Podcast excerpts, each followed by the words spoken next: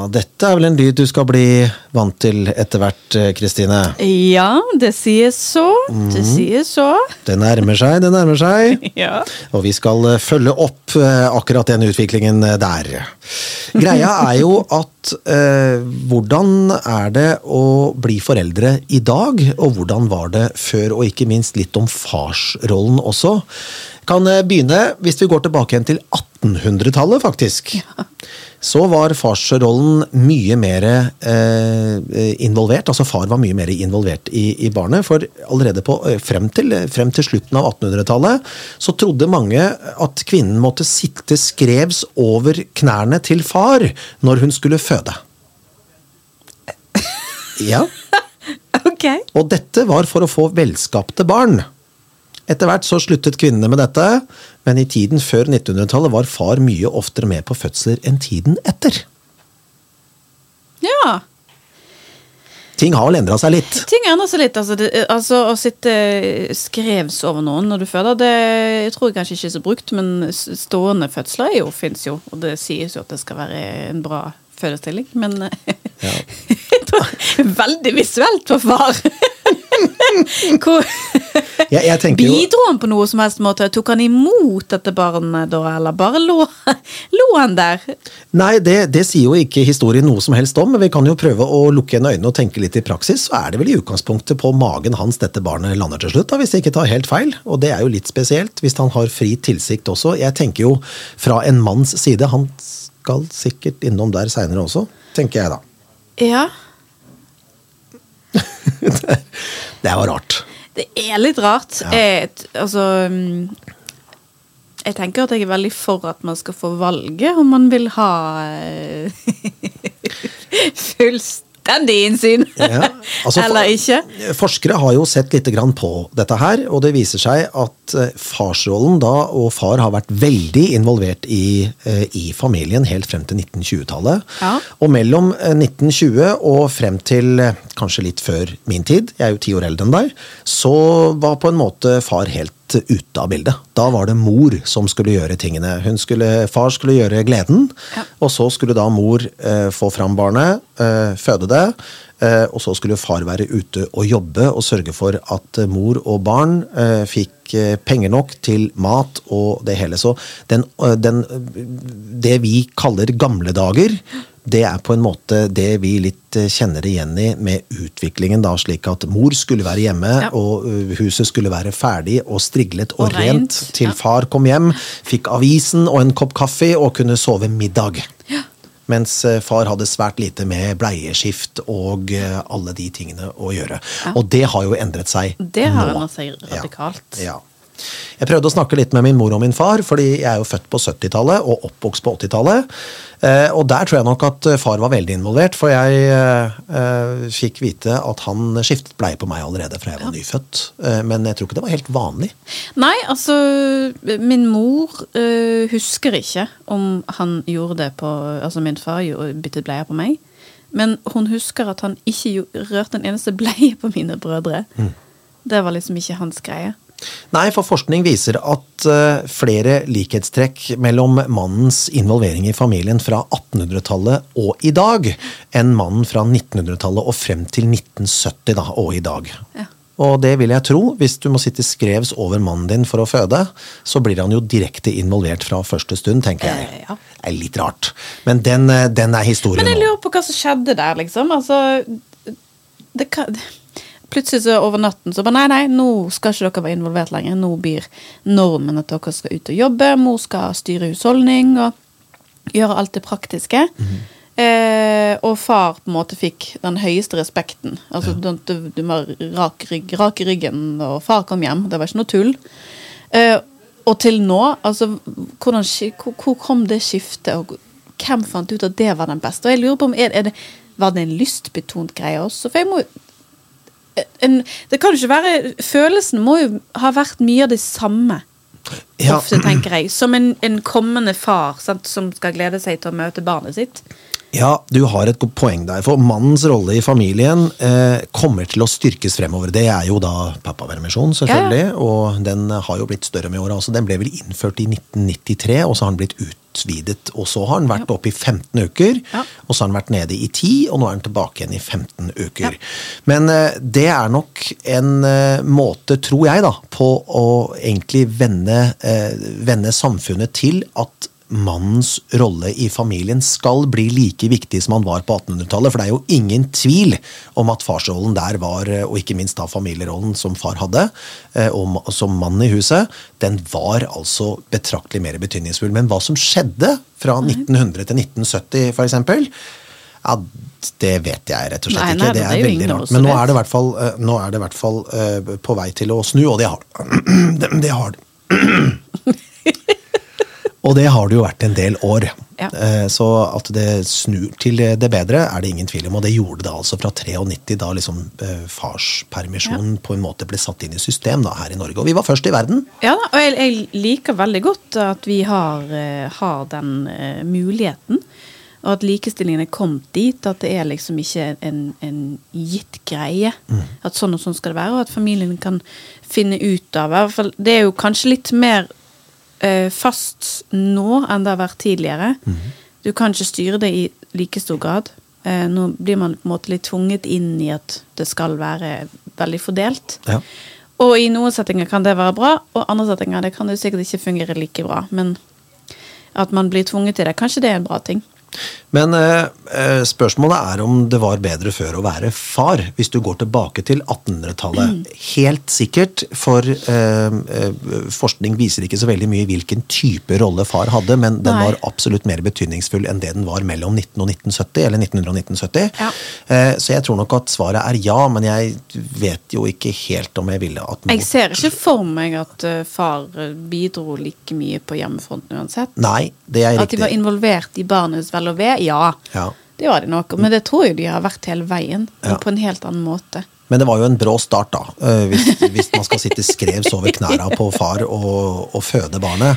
Det, vi har kommet litt lenger enn som så. Men det finnes jo de, da. Det, vi er jo i 2023, og det finnes jo de som filmer hele fødselen og ser på den sammen etterpå, f.eks. Er du en av de? Nei.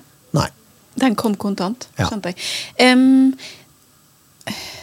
nei, altså Jeg ser ikke for meg altså, jeg, Jeg romantiserer ikke dette fødselsbildet. Jeg, jeg har jeg lov å si dette? Nå blir sikkert sånn uglesett Å, Åh, hun blir en sånn mor. Nei, jeg syns ikke mening. babyer er det vakreste i verden. Jeg nådde i hvert fall ikke når det kommer ut. Altså, hallo. Mhm. La oss være realistisk.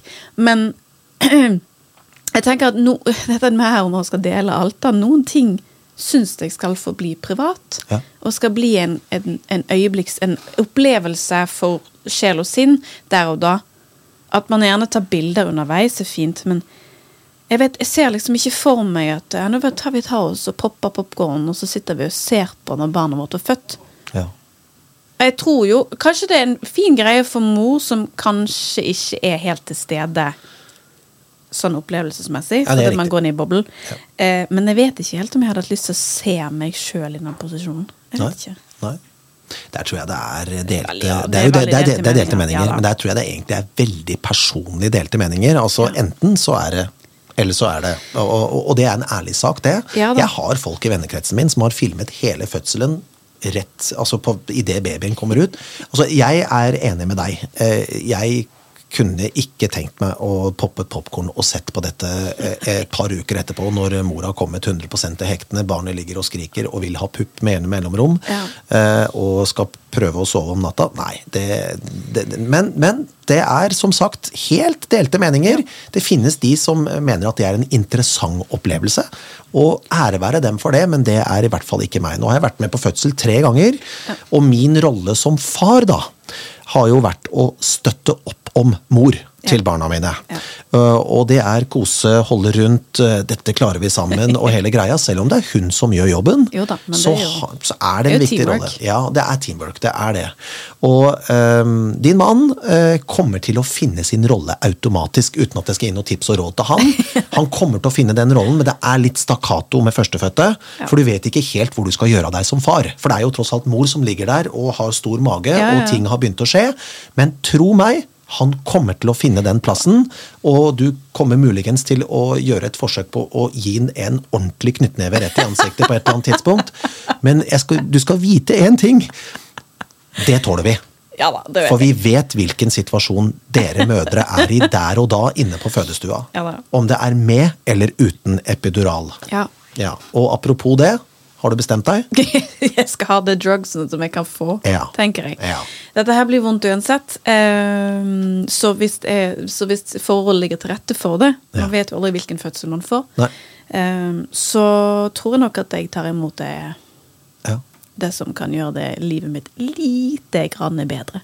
Og selv om jeg aldri har født, men jeg har vært deltatt som far på tre fødsler, så vil jeg vel tro at det er bedre med epidural enn en naturlig fødsel før, hvis man har muligheten til å velge. Før kunne man jo ikke velge. Nei, og, og, sant, og i mange settinger så, så er det ikke sikkert at det, det kan gå fort òg. Gjerne ikke med første, men min mor sa jo her forleden Ja, hun hadde styrt fødsel på sin første. Jeg bare Neimen, fader, altså. Ja. Det skal ikke være mulig. Nei. Det, det, det skal Men det er sann min flaks. Ja. At det, når det først skjer, så Hei sann! Ja. så nei, men altså Men eh, jeg er tilbake til det vi snakket om, da, med, med dokumentasjon og filming og sånt. Eh, det er jo mye fint for, for opplysningens eh, Hvis du ser det fra den siden. Mm. Men da føler jeg på en måte at det kan profesjonelle ta seg av. det er liksom ikke for underholdningsverdien å se seg sjøl føde. Eh, nei, det jeg, jeg, jeg, vet ikke, jeg vet ikke hvordan en kvinne som har lyst til å filme sin egen fødsel, tenker. Eh, og det er jo det som er så spennende, fordi du er på vei til å skape et nytt liv mm. på denne kloden. Eh, og vi vet heller ikke hvordan det mennesket blir. Nei. Og det er egentlig spenningen i seg selv, for alle er forskjellige. Og der har jeg lyst til å bare ta med en liten digresjon. Jeg var ute og kjørte med en eh, venn av meg for en liten stund tilbake. Eh, Og jeg satt i baksetet fordi mor og far til barnet satt foran. Han kjørte, hun satt på, og jeg satt i baksetet sammen med deres syv år gamle datter. Og så har vi da en liten diskusjon i bilen, eh, hvor vi da kommer Ja, men du er jo halvparten mamma og halvparten pappa. Nei, sier syvåringen. Jeg er 25% mamma, 25% pappa, og resten er meg selv. Og jeg bare stoppet helt opp. Hun har jo helt rett! Ja, hun har jo rett. Det, ja, hun har det. Men jeg kjente at den hadde jeg ikke sett komme. Nei. Den kom rett Reflektert ut. syvåring. Ja Det må man si. Ja, det må man si. Nå har jo barnet eh, reflekterte foreldre også, men at den kom så kontant Jeg satt helt stiv i blikket og tenkte wow. For det er jo helt sant. For det er jo lett for oss foreldre å si at ja, ja, du er jo halvparten mamma og halvparten pappa. Men det stemmer jo ikke.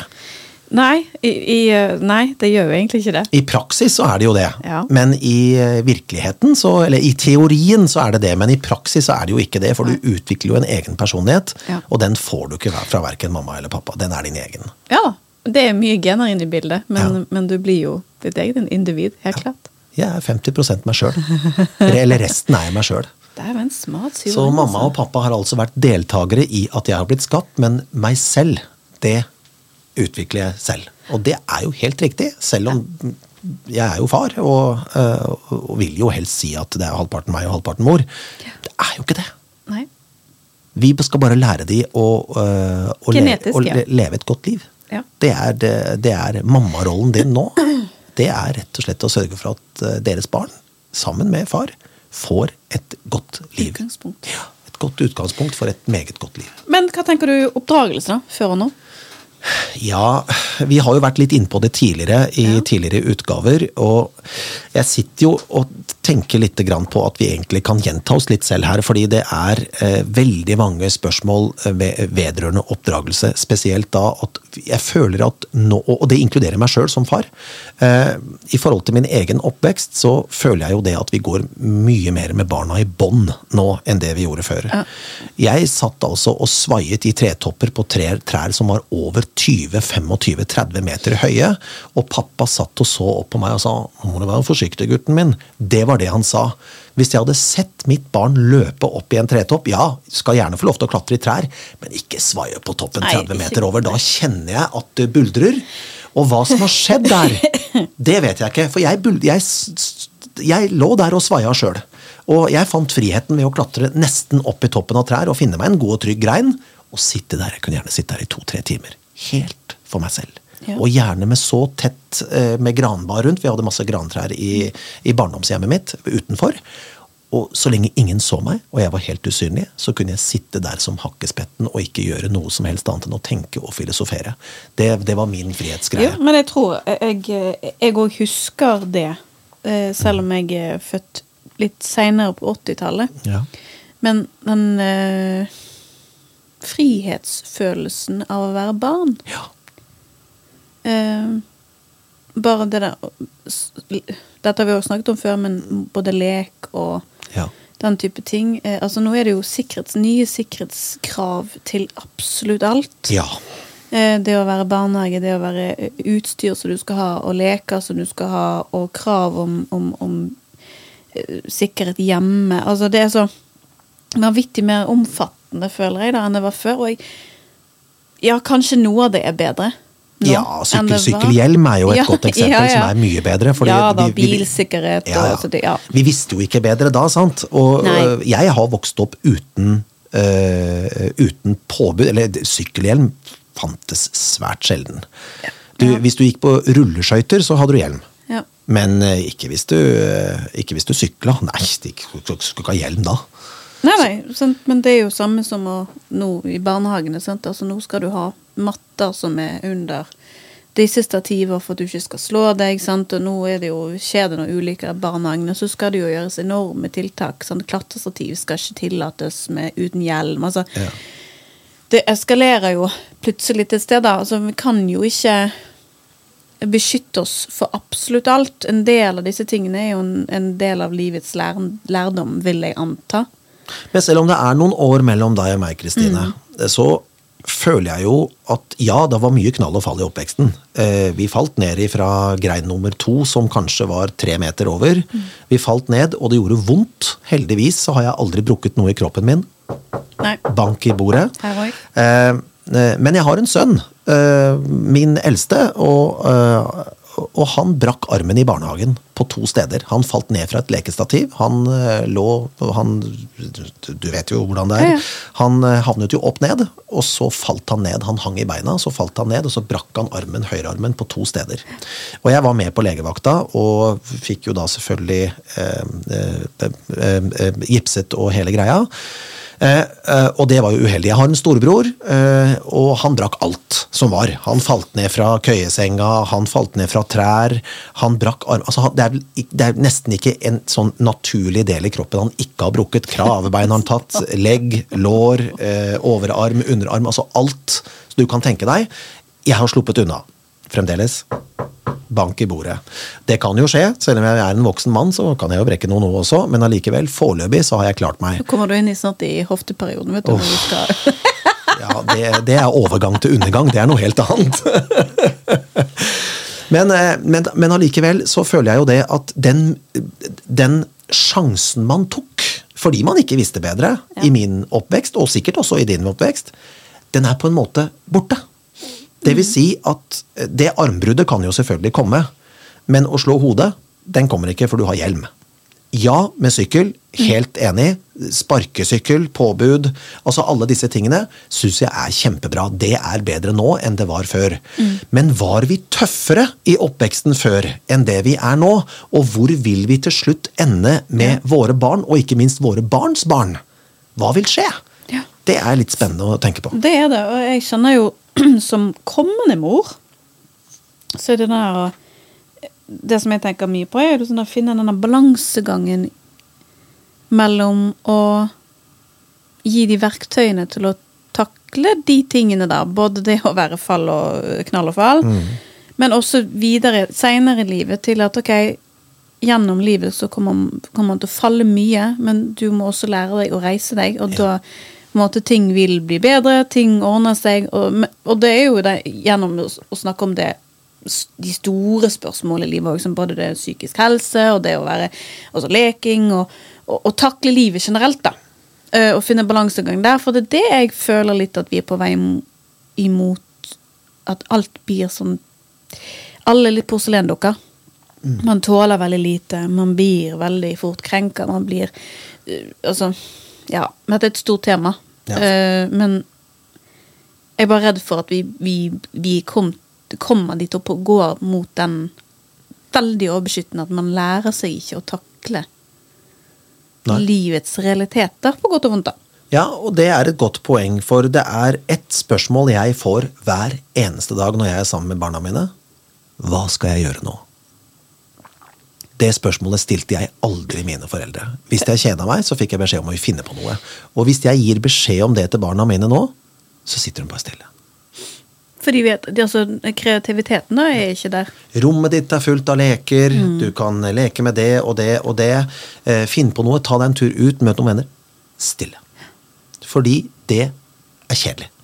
Ja, men det er òg en greie. Sant? Altså dette med utvikling av teknologi. Sant? At vi hele tiden stimulerer. Så det gjelder jo oss voksne i like mye grad. Jeg tar jo meg sjøl at jeg venter på bussen, så er det opp med telefonen og underholder meg sjøl med å enten le- lese aviser eller Instagram eller hva det er for noen ting. Det er liksom ikke denne femminutteren der du bare er. Nei. Nei, det er riktig. Det er ingen av oss som kan kjede oss lenger, Nei. føler jeg. Nei. Og det er ikke så rart at, uh, at det overføres til den yngre generasjonen, og de er hele tiden vant til at uh, med TikTok nå og Altså, det er kontinuerlig utskiftning av, av stimuli. Det er av sine egne man skal ha det, sier det, og der har jo vi foreldre en ekstremt viktig rolle å gå foran som gode forbilder. Hvis du og jeg sitter med barna våre og eh, på mobilen, så kan vi ikke be barna våre om å legge fra seg mobilen. Nei! Fordi og ingen som jo- helst måtte sitte jo at far og mor sitter i hver sin ende av sofaen og scroller. Ja. Hvorfor skal ikke de gjøre det? Nettopp. Nei, jeg skjønner jo det spørsmålet. Ja. Og jo eldre de blir, så, får du, så blir du på en måte arrestert på det. Ja, men du sitter med mobilen. Ok. Ja. For du tenker ikke over det. Du tenker at nei, nå må du ha litt mobilfri, og så sitter du faktisk på mobilen sjøl. Og det tror jeg er et generelt problem for oss foreldre. Ja, ja. Vi klarer ikke å legge den fra oss, vi heller. Nei. Men eh, da må man være sterk. Jeg har blitt bedre på det, men jeg har vært dårlig på det. Men jeg har blitt bedre på det. Fordi hvis du skal bevisstgjøre barna om at uh, hele tiden kan du ikke ha skjerm, så er du nødt til å være først ute selv. Legg den fra deg, la det gå noen minutter, gjerne 10-15 minutter, og så sier du du, nå er det nok. Ja da, det klør i fingrene mine også, Ja. men den, må, den kampen må du bare ta. Med deg sjøl. ja. Og det Men var- merker du sjøl. Altså, hvis du sitter og ser på en film, Ja. helt sånn uten at du tenker over det, så går hånden til telefonen for å sjekke det. Men hva skal du egentlig sjekke? Ingenting. Ingen du skal bare se om du har gått glipp av noe. Ja, du skal og det dille. har du jo nettopp, og det er jo en kjempeuting. Og for å si det slik, fra ditt barn begynner å reise seg og er på vei til å gå, så må du være bevisst på det, Kristine. Fordi eh, de trenger ikke å være mer enn ett og et halvt til to år før de lærer seg å sveipe enten en iPad eller en mobiltelefon. Nei. Og tro meg, de finner NRK Super ganske fort. Det er helt sjukt. Det er helt sjukt hvordan det har blitt. De tar det kjapt, altså. De tar det ekstremt kjapt. Kjappere enn du tror. Altså, Man tror jo det at man skal sitte med en Peppa Gris-telefon og ringe og trykke på en knapp, og så kommer det ringelyd. Glem det. Så med med en gang mobilteknologi eh, og skjerm og eh, switch og sveiping og sånn er tilgjengelig, så kan de det. Og de trenger to uker, så kan de det selv. Og så går det fire uker, så kan de passordet ditt. Da er det gjort. Ja. Så er spørsmålet hvordan vil en forelder i dag prøve å skjerme for at det ikke skal skje? Og hvor kort er veien til at det er den barnevakten du egentlig har drømt om fordi du er forelder? Det er spørsmålet. Og der har du en del utfordringer. Det Ja, er jo. kanskje de største utfordringene du har. Se, se, sånn ser jeg på, da, for nå er jo min yngste snart seks år. Og eh, er på en måte midt i det. Men den, eh, den første delen av eh, prosessen skal begynne på skolen. Ja. Men så er det en del av Man ønsker jo at de skal henge med òg, ikke sant? Ja, ja, ja, ja og ikke bare være den som, som kommer og ikke har det som alle andre har. sant? For det er jo det de snakker om. Ja. du og jeg kunne gjerne snakke om klinkekuler, og eh, selv så snakket jeg om å kaste på stikka med femøringer og tiøringer. ikke sant? Det var det som var gøy å gjøre.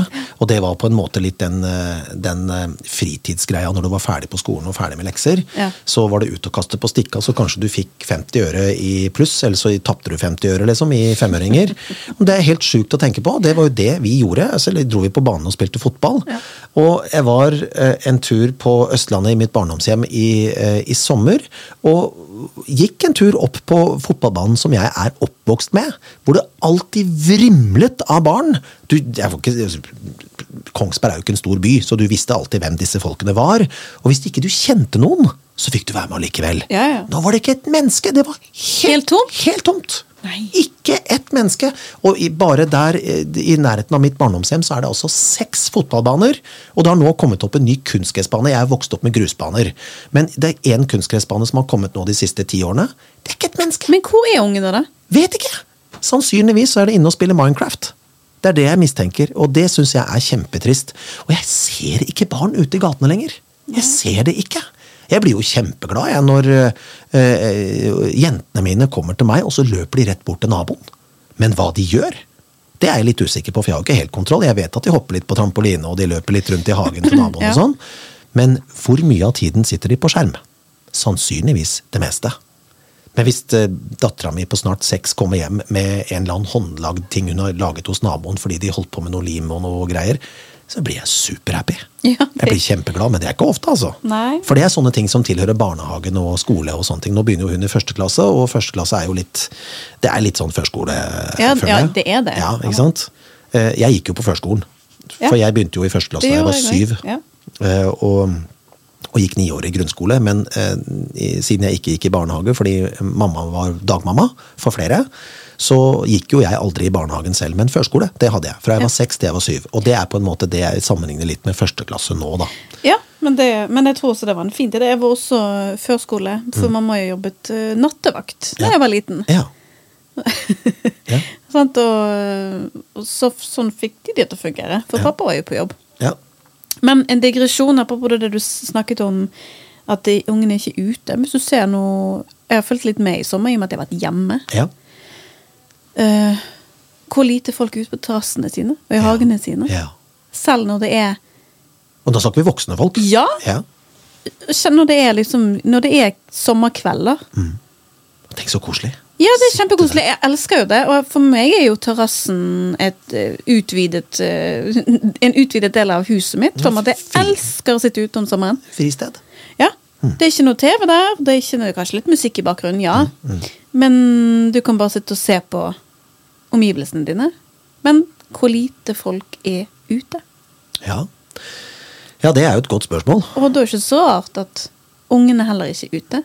Nei, for Ikke eh, foreldrene ute heller. Nei, og der er jeg takknemlig for min oppvekst eh, på 80-tallet. Fordi mamma og pappa var med på absolutt alt som min bror og jeg var med på. Han er fire år eldre enn meg, som jeg sa. Og vi spilte fotball, gikk på langrenn, spilte håndball om vinteren. Og, og det var jo greit. Eh, De kjørte og henta, nå var det jo korte avstander Men det på gjør de jo i også. Ja, de gjør det, til en viss grad. Men så har du den barnevaktfølelsen. For jeg har vært fotballtrener for min eh, eldste sønn da han var mye yngre. Og det føltes litt ut som at når vi skulle på fotballtrening, så dumpet de barna. Sånn, da er du her en time, og så skal jeg på eh, kjøpesenter eller finne på noe annet. Jeg har litt ærend å gjøre. Det var sjelden det sto foreldre på siden og tittet på treninga. På, mine, på treningen med mitt fotballag, nå snakker jeg kun for meg selv, for min bror det var ja, for så vidt der òg, men kanskje litt mindre. Det var jo en veldig sammensveisa gjeng av foreldre eh, på mitt fotballag, så jeg er evig takknemlig. Det sto altså 10-15 foreldre på trening! Og så var vi eh, utviklet oss til, og, og vi ble jo gode. Og vi hadde støtte fra foreldrene våre. På fotballturnering så var det, det var i hvert fall ikke under 100 personer som sto på heie, sidelinja og omtrent var inne på banen og heia med knyttnevene og øya, øya. Og den følelsen der, Men, men, men på trening, syns du det var digg? jeg syns det var kjempegøy. Jeg, jeg er jo med på det når det er kamper og sånn, men det er jo noe med uh, å tillate at barnet får være litt sånn individualist, da. Ja da, men de var bare, der var det, det var stille på sidelinja. De hadde ingen de skulle ha sagt. For fotballtreneren var ganske bestemt på det. Sa det at eh, ja ja, det er bare å være her. Men det var en uskreven regel at foreldre rett og slett skulle holde munn når vi var på trening. For Ja. da hadde vi jo et treningsopplegg. sant? De, det var to trenere, og de, jo, de hadde jo lagt opp et opplegg for dagens trening. Det gjorde de dagen før. Det var litt oppvarming, og så var det noe praktisk, og så var det kanskje vi skulle øve litt på litt nikking og litt sånne ting. Pasninger fram og tilbake, dribling, avslutning på keeper og alle de tingene. Men det var en plan bak det hele, og foreldrene våre som sto på sidelinja og fulgte med på oss trene, de sa ikke et ord. Det var en uskreven regel. Men bare den interessen Ja. Av at vi var der. For jeg husker jo foreldrene som var med på cuper og, og den slags, Ja. men jeg kan ikke liksom huske at de satt på treningen og fulgte med. Det fulgte med, som bare det. Men det var som sagt en spesiell gjeng av foreldre som, eh, som Ja. på det fotballaget mitt. Men de, de, de elsket det. De, kom i, de kledde seg jo ut på kamper og turneringer Jo, og sånn. og det er jo kjempegøy. Jeg er all, helt med på at foreldre er med som støttespillere når ting skjer. Eh, men jeg, jeg mener liksom husk at vi ikke fikk lov til å ha foreldre med på treninger. sånn. Håndball var litt annerledes. Der vil det, det, det var greit at de satt der, men hvis plutselig 20 foreldre hadde sittet på tribunen og sett oss trene håndball, no, no, no, no, no. Men fotball, det var, der var alle velkommen. Og der sto det jo også andre barn og så på treningene våre. Og kanskje de fikk lov til å låne en liten firkant nede i hjørnet så de kunne happe litt med ballen, selv om vi hadde trening. Og det var jo ingen som sa nei til det. Vi brukte jo aldri 100% av banen så sant ikke vi spilte på slutten. Men det jeg syns var gøy, da, var at de som bare var der, de fikk være med. Når vi spilte på slutten de siste 15 minuttene, som på en måte var en bonus, så tok vi med de som sto på sidelinja og bare var der og hadde litt gøy på fritida. De fikk være med å spille. De, de ble fordelt på lagene. «Hei, 'Skal du være med?' Ja, ja, kjempegøy! Og så tredde vi på de en rød markeringsdrakt til det ene laget, og de andre spilte i hvilken farge de ville, så sant ikke de hadde samme farge. Og så, og så plutselig så var det på en måte involverte folk som, som barn som var på fotballbanen bare for å ha det gøy. De ble med og spilte på slutten. Og for oss, kjempekult! Det var jo spillere vi ikke kjente, sant? Ja. Og det skapte en utvikling. Ja, og, Og en, og, og en inkludering. og styrker på en måte den sosialiseringen. Yes. Eh, For det er jo ikke nødvendigvis at eh, Dette har vi innom før òg, men Ja. at, at eh, unge i dag er så innmari gode på dette med å bli kjent med nye. Nei, så sant ikke du har Tinder og velger en fjelltur. ja, Forhåpentligvis har ikke ungene Tinder. Eh, nei, det er vel litt tidlig. Det er vel aldersgrense på det òg. Men, men eh, jeg er jo misforstå meg rett. Ja, jeg forstår hva du mener. Ehm, men jeg, jeg For jeg føler jo litt at i dag så kan man nesten bli litt for involvert i barnas eh, fritidsaktiviteter. Ja. Jeg Hvis det er lov å si? Jeg har hatt eh, to av tre barn på svømmekurs, Mhm. som eh, de to elsker. Og den yngste ønsker jo selvfølgelig det nå, som hun begynner i første klasse. Og eh, casen der er jo at jeg har sagt at det skal du få. Men ikke forvent at jeg sitter på tribunen og ser på deg. Jeg er der, for det tar bare en time og det er et lite stykke å kjøre. Men jeg er ute i gangen. Jeg ser ingenting. Og jeg vil ikke se det heller. Første gangen og andre gangen så er det med foreldre. Da har man muligheten til å sitte på tribunen og se litt, grann, slik at de føler seg trygge. Trygge, ja, ja. Etter det så blir man på en måte kastet ut av svømmehallen, og det liker jeg litt. For da har på en måte svømmetreneren sin helt egne tid sammen med barna alene. Hvis ikke så blir barna sittende og se opp på mor eller far, eller begge to, som sitter der og heier på det lille avkommet sitt, og, og så flink du er, og så mister du fokusen. Så det syns jeg er eh, kjempefint. Og sånn var det litt på håndballtreninger også. Det var sjelden du så foreldre på håndballtrening. Ja. Enten så kjørte vi sammen med noen andre, slik at vi hadde full bil ned, så man ikke eh, kjørte én bil til hver. Hadde man dårlig tid, så kjørte man jo selv, selvfølgelig. altså Man ble jo kjørt av foreldra. Men man hadde en sånn greie med at eh, ja, eh, i dag skal eh, pappaen til Svein kjøre, og han kjører klokken halv fire. Vi skal begynne å trene klokka fire. Vi møtes ved butikken. Og der sto vi og venta på faren til Svein. Han kom, parkerte, vi inn i bilen og ned. Så kjørte han hjem igjen, så visste han når treninga var ferdig. Og da hadde vi den privattiden med trenerteamet vårt. Og så hadde vi egentid med våre egne venner på laget. De tingene savner jeg. De savner jeg. Så jeg spiller jo fotball enda, jeg. Begynner å nærme meg 50 år. Jeg spiller, jeg, er spiller, jeg spiller fotball på søndager bare for den sosiale delen. Og så syns jeg det er gøy å spille fotball, men det er jo, det er, er jo ikke på høyt nivå. Eh, Nei, men altså men, men det er den sosiale biten. Ja. Før, mens vi sitter der og tar på oss strømpene og tar på oss innesko og vi spiller inne. Garderobekulturen, liksom. ja, ja, på en måte. Den Ja. Der, det, er ting jeg savner ifra oppveksten min. For jeg spilte jo fotball til jeg fylte 17 år. eh, På et forholdsvis høyt nivå. Ja. Ikke akkurat eliteserienivå, jeg tror jeg hadde nådd dit. Men det var, det var kvinner og andre ting som, eh, som tok over den Tok biten. Ja, på, på slutten av tenårene, men allikevel. Det var gøy, og akkurat den følelsen når jeg møter opp på søndager på, på fotballtrening med gamlegutta, den er der fremdeles. Sånn, nå er det oss gutta.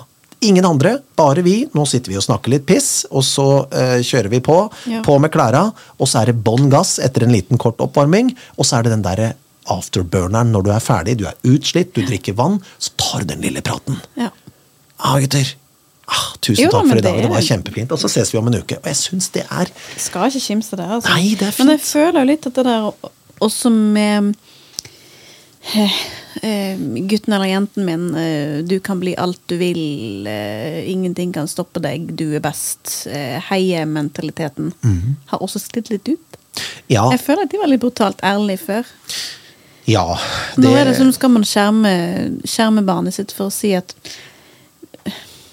Kanskje ikke Kanskje ikke dette er for deg. Men er vi, er vi slik i 2023 at du skal bli ingeniør, du? Jeg Når barnet er fire år gammelt? Ja, jeg føler vi er det.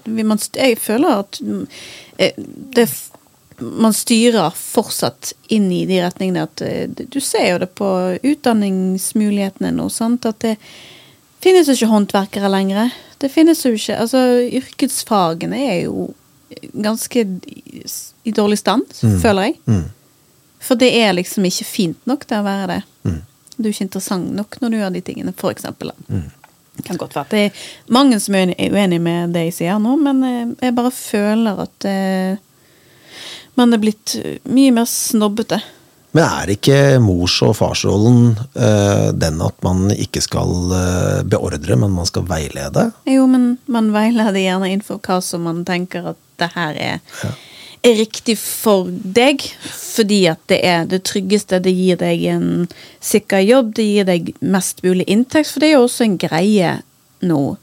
Man skal ha mest mulig. Ja. Uh, man skal gjøre mest mulig. Uh, suksess er jo på en måte en helt annen greie nå, føler jeg, enn det var før.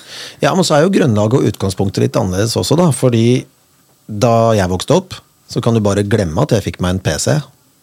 Det fikk jeg i julegave sammen med broren min et år etter at mamma og pappa hadde spinka og spart i et helt år. Den kosta jo selvfølgelig veldig mye penger, men sånn som nå så er det jo en selvfølge at barna skal ha en gaming-PC. Klart de skal det. Ja, og så skal de lære seg å programmere, se hvor flink jeg har blitt. Jo, men du bruker jo PC i skolen òg. De Ja. har jo ikke skolebøker lenger.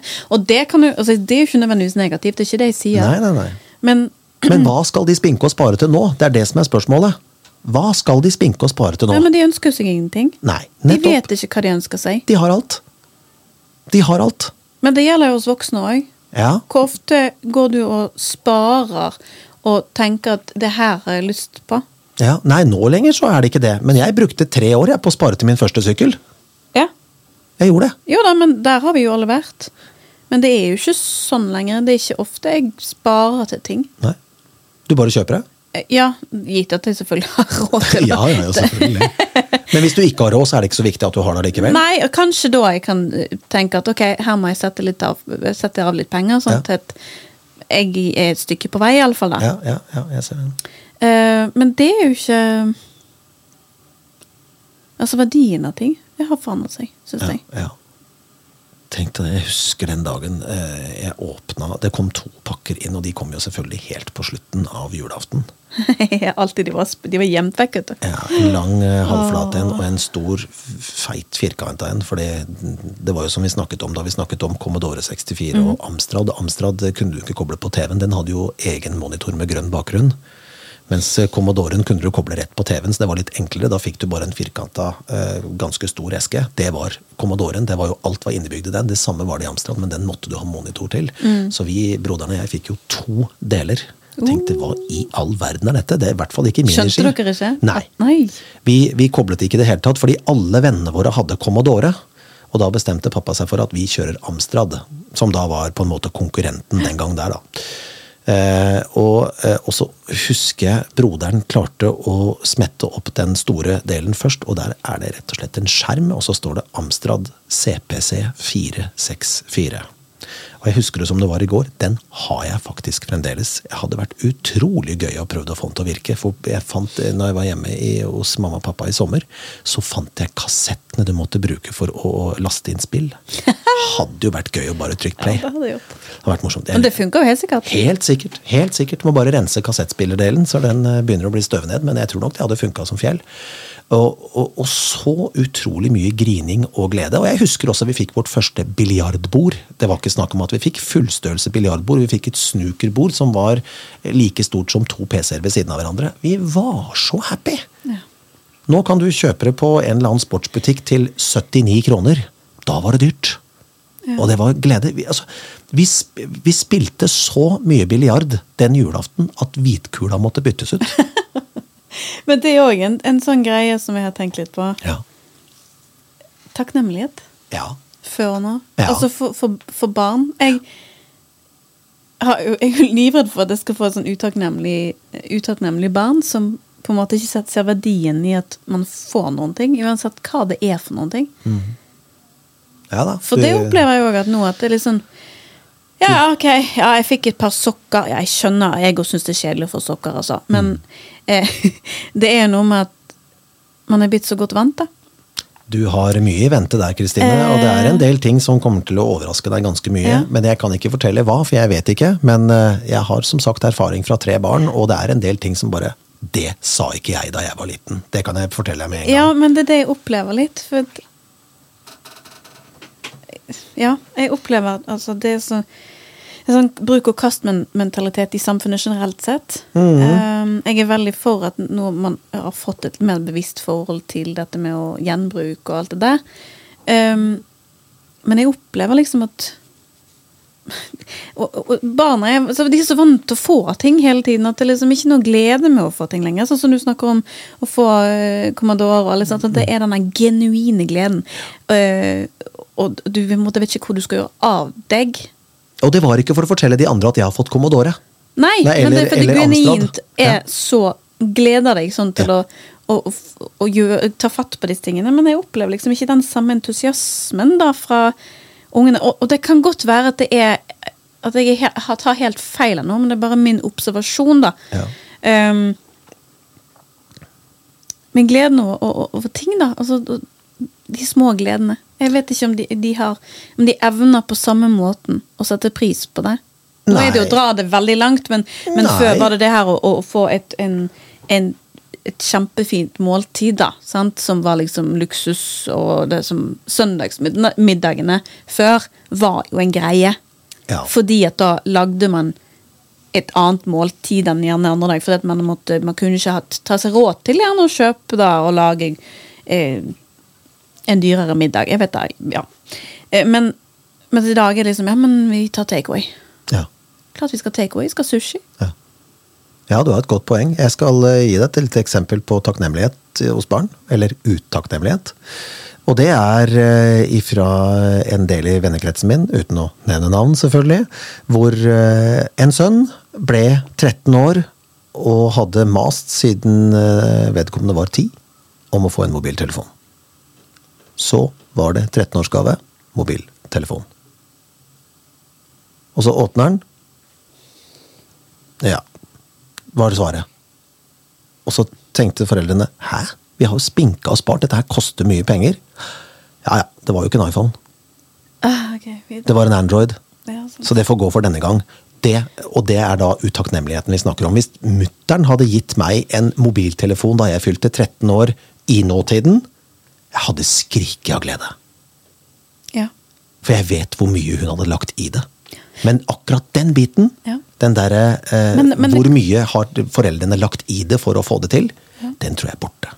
Dessverre. Jo, men det, det, det, det er jo sikkert en naturlig reaksjon av hvordan vi voksne også eh, tar ting. Altså, gleden over å eh, kjøpe nye ting, da, den er jo veldig kortvarig varig nå. Ja. Sånn at det liksom, vi blir aldri fornøyde. ja. Og det er jo ikke så rart at ungene plukker opp på det. Nei da, jeg er med på den. Men, eh, men ja, nei, det er, et, det er et stort tema. Jeg, jeg merker at det, det er mye å, å, skal på en måte Det er tankeprosesser som, som foregår oppi topplokket til uh, unge Gulbrandsen. Jeg Ja. velger å kalle meg unge, unge Ja, fortsatt. du er fremdeles ung. Ja da. Ja da, Det er jeg som begynner å nærme overgangsalderen. Gi deg, da. Gi deg. Men det er mye som er fint da i forhold til eh, utvikling og sånn. Produkter, eksempel. Ja. Bare dette med bleier. Ja. ja, de er ikke i tøyet lenger, for å si det sånn. Nei, og det er jeg innmari glad for. Jeg så nå faktisk at du kan få flerbruksbleier. Ja, det nå. stemmer. Eh, De er kanskje litt hakket hvassere enn det var før. Ja. Men tanken på at jeg skulle brukt tøybleier Ja, nå ja. Miljø, ja, jeg er miljøbevisst, ja. Men eh, mm, Nei, jeg er veldig glad.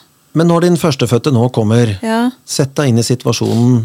Det blir jo mye bæsj og tiss og, til Ja. å begynne med, og eh, barnet ligger jo stort sett på rygg hele veien og omtrent gaper etter pupp og vil helst sove, men det skal jo ut igjen også. Ja. Da har du en maskin full av tøybleier, en 10-15 stykker da, som du putter i maskinen samtidig. Ser du for deg deg selv i den situasjonen, eller er det lettere bare å hive ut pakka og uh, få på den bleia, og Ja. så kaste den i søpla etterpå? Jeg er, en, jeg er nok sistnevnte. Ja. For det er de som faktisk lager bleier til barna sine. Jeg vet det. Og ære Ja. være at de har den viljen og, og tenker at det her er er et miljøhensyn Ja. som jeg helt, helt klart er med på, men, men i sånn som hverdagen er blitt nå, så skal det gå kjapt og gærent. Ja.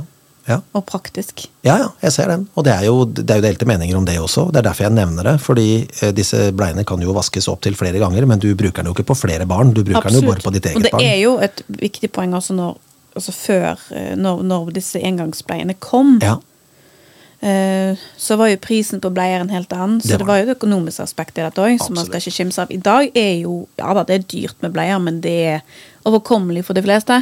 Og så er det bleiekrig. Veldig ofte. Ja, ja nå er det jo På Kiwi er det jo andre bleiepakke gratis. Ja. Altså, type, ja. Ja.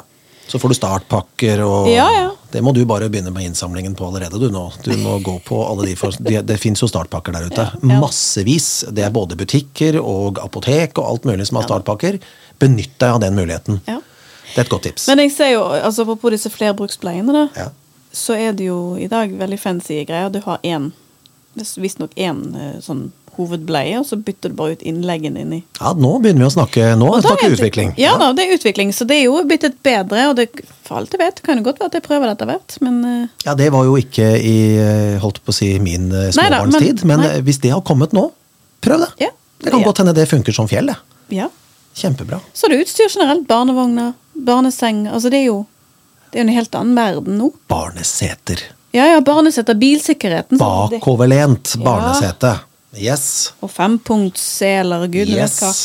Altså, ja, så det har, akkurat de eh, tingene er jeg veldig glad for at det har eh, kommet videre. Sant? Og vi utfor, altså forskning generelt sant? Mm. på barnehelse og krybbedød. og Alle sånne ting som man ikke visste før, og som er blitt mye bedre nå. Og hvilke typer vaksiner barnet Ja. får når barnet er nyfødt Ja. i låra, Ja. uten at de legger noe særlig merke til det i form av smerte, så er det jo en del ting som man slipper på barne- og ungdomsskolen nå, fordi man får det allerede fra man er nyfødt, og så kan man heller få seg en booster eh, etter hvert.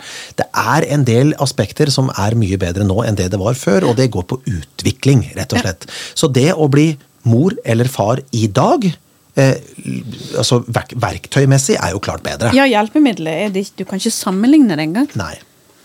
Men så er det jo spørsmålet hva du propper barnet fullt av da, i form av eh, stimulering. Ja. Det er det det egentlig går på. Ja. Som, som forelder. Jeg skal ikke sitte og være onkel eh, barnepoliti her på noen som helst måte, men man må være litt bevisst på det, for alt er tilgjengelig. Alt er tilgjengelig, og du kan, du kan jo Dette har jo òg gått mye inn i nå. Sant? Hva utstyr trenger man? Sant? Yes. Og det, du kan jo kjøpe deg i hæl Ja, av ting som du mest sannsynlig ikke kommer til å trenge. riktig. Uh, og vi har, der har vi vært litt bevisst. Ja. Vi kjøper det vi vet vi absolutt må, og så må vi ta ting etter hvert. Hva trenger barnet? Har du gravidbelte i bilen? Nei. Nei. Det fins. Du vet Det Det fins, jeg vet det. Ja. Og jeg var inn på det. Er det noe jeg trenger? Og så har jeg lest litt om det og sett at det er ikke noe forskning som viser at det her er noe tryggere. Eneste du skal tenke på, at du skal ha nedre del av bilbeltet så langt ned på mot eh, hoften som du kan, for Ja. at ikke presset skal ligge på magen. Yes. Men utover det så er ikke det bevist at det er noe mindre eller mer trygt Mm. å, å forholde deg til det. Men ok, hvis noen føler for det, så må de gjøre, gjerne gjøre det. Ja. Eh, men det er jo som førstegangsforeldre, så vet jo du heller ikke hva et barn i utgangspunktet trenger mye av. Eller lite av. Alt dette sånn. Spedbarnet ditt er i hvert fall sikkert på vei hjem fra sykehuset etter at du har født. Ja da, det er det. kan jeg vel si at eh, jeg ikke var. For jeg lå vel sannsynligvis i baksetet i en bagvogn. Ja, Usikra, uten du hadde kanskje sånn netting eh, Sånn hønse... Ikke hønsenetting, men Ja. sånne der eh, Sånn som du tar på strapper, stropper opp eh, Yes. hengeren med nå. Det, det er helt riktig. Det var nok det som var den sikreste delen av det hele. For da fantes det ikke bilbeter i baksetet. Det var ikke det. Var ikke det. Nei. Og det er utrolig rart å tenke på. Eh, alle mine tre barn har vært 100% sikra så godt man kan gjøre det, i hvert fall i bil, med feste i karosseriet eh, og altså eh, hele den gullrekka der. Og man, jeg har gjort det jeg kunne i bilen for at de skal være så trygge som overhodet mulig, med Isofix og hele greia. Og de får, lov, de får ikke lov, de er, de er påbelagt av sin far eh, å sitte i det barnesetet frem til de rett og slett er for store til å sitte i det. Og det er jeg takknemlig for at mine barn har fått. Alle mine tre barn har hatt ja. en skikkelig ordentlig sikkerhet i bilen hele veien. Det hadde ikke jeg, og det hadde i hvert fall ikke min bror, som er fire år eldre. Men det er jo viktig å tror jeg, å, å, påpeke at det er jo ikke fordi at man ikke ønsket barnesikkerhet, nei, nei, nei. men man visste ikke bedre, og nei. det var ikke på markedet. Sånn, så det er jo Jeg vil jo anta at det eneste enhver forelder vil for barnet sitt, er at det skal ha det trygt og godt. Hadde det, vært, hadde det eksistert, så skal jeg love deg at min mor og min far hadde vært de første som hadde kjøpt de. og selv om det kostet sikkert svinmye penger den gangen der, så hadde de brukt de penga på at broderen og jeg skulle være sikre i bilen. Men han, pappa installerte jo da eh, fempunkts barneseler i baksetet, selv om det ikke var påbudt allikevel. og vi var ute for en trafikkulykke da jeg var liten. Og takket være de selene så gikk det bra. Ja. Faktisk, Og det skal jeg være helt ærlig å si. Eh, den gangen så var jo bilen mye sikrere også, da. Det ble jo nesten ikke en skramme på bilen, men det var en voldsom smell. Og jeg var sikkert ikke mer enn seks eller syv år gammel, og jeg husker den smellen. Ja. Eh, det var ingen fare, var, alle var friske og fine Nei, da, etterpå. Og det skal men man jo bare prises lykkelig for. De hadde jo sikkerhetsbelte. Tenk deg med broderen og meg da, i den smellen kom. Og det var helt vanlig at ikke det var sikkerhetsbelte i baksetet, for det var ja. ikke påbudt. Nei. Men pappa hadde heldigvis installert disse fempunktselene, som var helt enkle, men de gjorde jobben sin. Ja, og så er det noe med at valgmuligheten i dag altså, Det er ikke nødvendigvis at dyrt er best, uh, men de, når, det, når, ting kom på markedet, ja. så var det gjerne den ene tingen som på en måte var der. Nå mm. har vi jo et hav av muligheter òg. Ja. Uh, som er bra, for det kan tilpasses de ulike behovene sånn, som folk har. Da er vi jo inne på bil, da. Og så er vi inne på sikkerhet.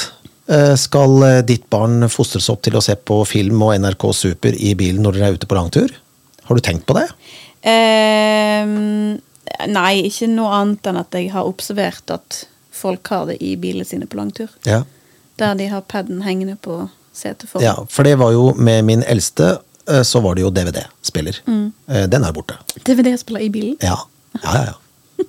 Den var jo fastmontert, eller ikke fastmontert, den var jo fastmontert, den var, den var sikkert montert. Slik at de kunne da sitte og se enten de var bakoverlent eller foroverlent på. Så er det jo ikke alle som tåler det heller, de blir jo kanskje bilsyke. sant? Men uh, den DVD-spilleren den tror jeg begynner å bli ganske historie nå. Nå er det vel sannsynligvis paden. Og så begynner man å snakke om trafikksikkerhet igjen, da, og da er det jo løse gjenstander, og hvor, hvor, farlige drapsvåpen det kan bli. da. Ja, men nå dette har jeg jo òg sett på i forhold til når du skal ha, um, ha ting og tang i bilen ja. som du skal ha tilgjengelig. Mm -hmm. Så har du jo, er jo kommet det òg. Ting som du henger fast, stopper yes. fast på, på førersetet. Ja. At det henger i det, det ligger oppi mapper og, og i, i fast, da. Ja. Så det er liksom ikke løst lenger. Men akkurat det har jeg vært, vært litt, tenker jeg litt på, hvordan tingene skal være når, når man skal på langturer. Og jeg skal jo på turné med ja. en liten baby. Ja. Uh, og hva vi skal på en måte gjøre med med å bringe med oss alt. For det er jo Det har vi vært innom på før. Men hvordan bilene før var stakk Det var fullt. Ja. Og det var ikke noe snakk om å, å, å løse gjenstander skulle være fastbundet, eller det skulle være sikta. Det, var liksom Du bare stappa bilfull der du hadde plass. Ja. Så er jo da spørsmålet, hvis du har stasjonsvogn, ja. og barnet ditt er bakoverlent, ja. hvordan sikrer du lasten i bagasjerommet? Sant? Det er jo det som er spørsmålet. Ja. For hvis det skulle skje noe, så vil jo i verste fall hele den lasten komme Fremover. aller først mot barnet som er bakoverlent. Stort. Så det er, det er, mye man må tenke på. Ja. Men de valgene hadde ikke jeg da jeg var liten, for jeg hadde ble plassert i baksetet. Nå kom som sagt den fempunkts barnecellen kom faktisk veldig tidlig for min del. Ja. Men eh, broderen han eh, hadde nok noen år eh, uten noen form for sikkerhet baki, og han kunne legge seg ned i setet og sove og alt mulig. Men det var da, og heldigvis så har vi kommet lenger i utviklingen nå. Ja. Du som skal bli mor om noen få uker er veldig heldig med alt det som er på markedet, men ikke la deg lure. Du har Nei da, du- det er noe med det. Det er jo å gjøre den researchen sin, da. Ja. For det er mye ting du ikke trenger, som eh, alle sier ja, det må du ha. Eller noen markedsførere sier at ja, det må du i hvert fall ha. Ja. Du må ikke det. Nei.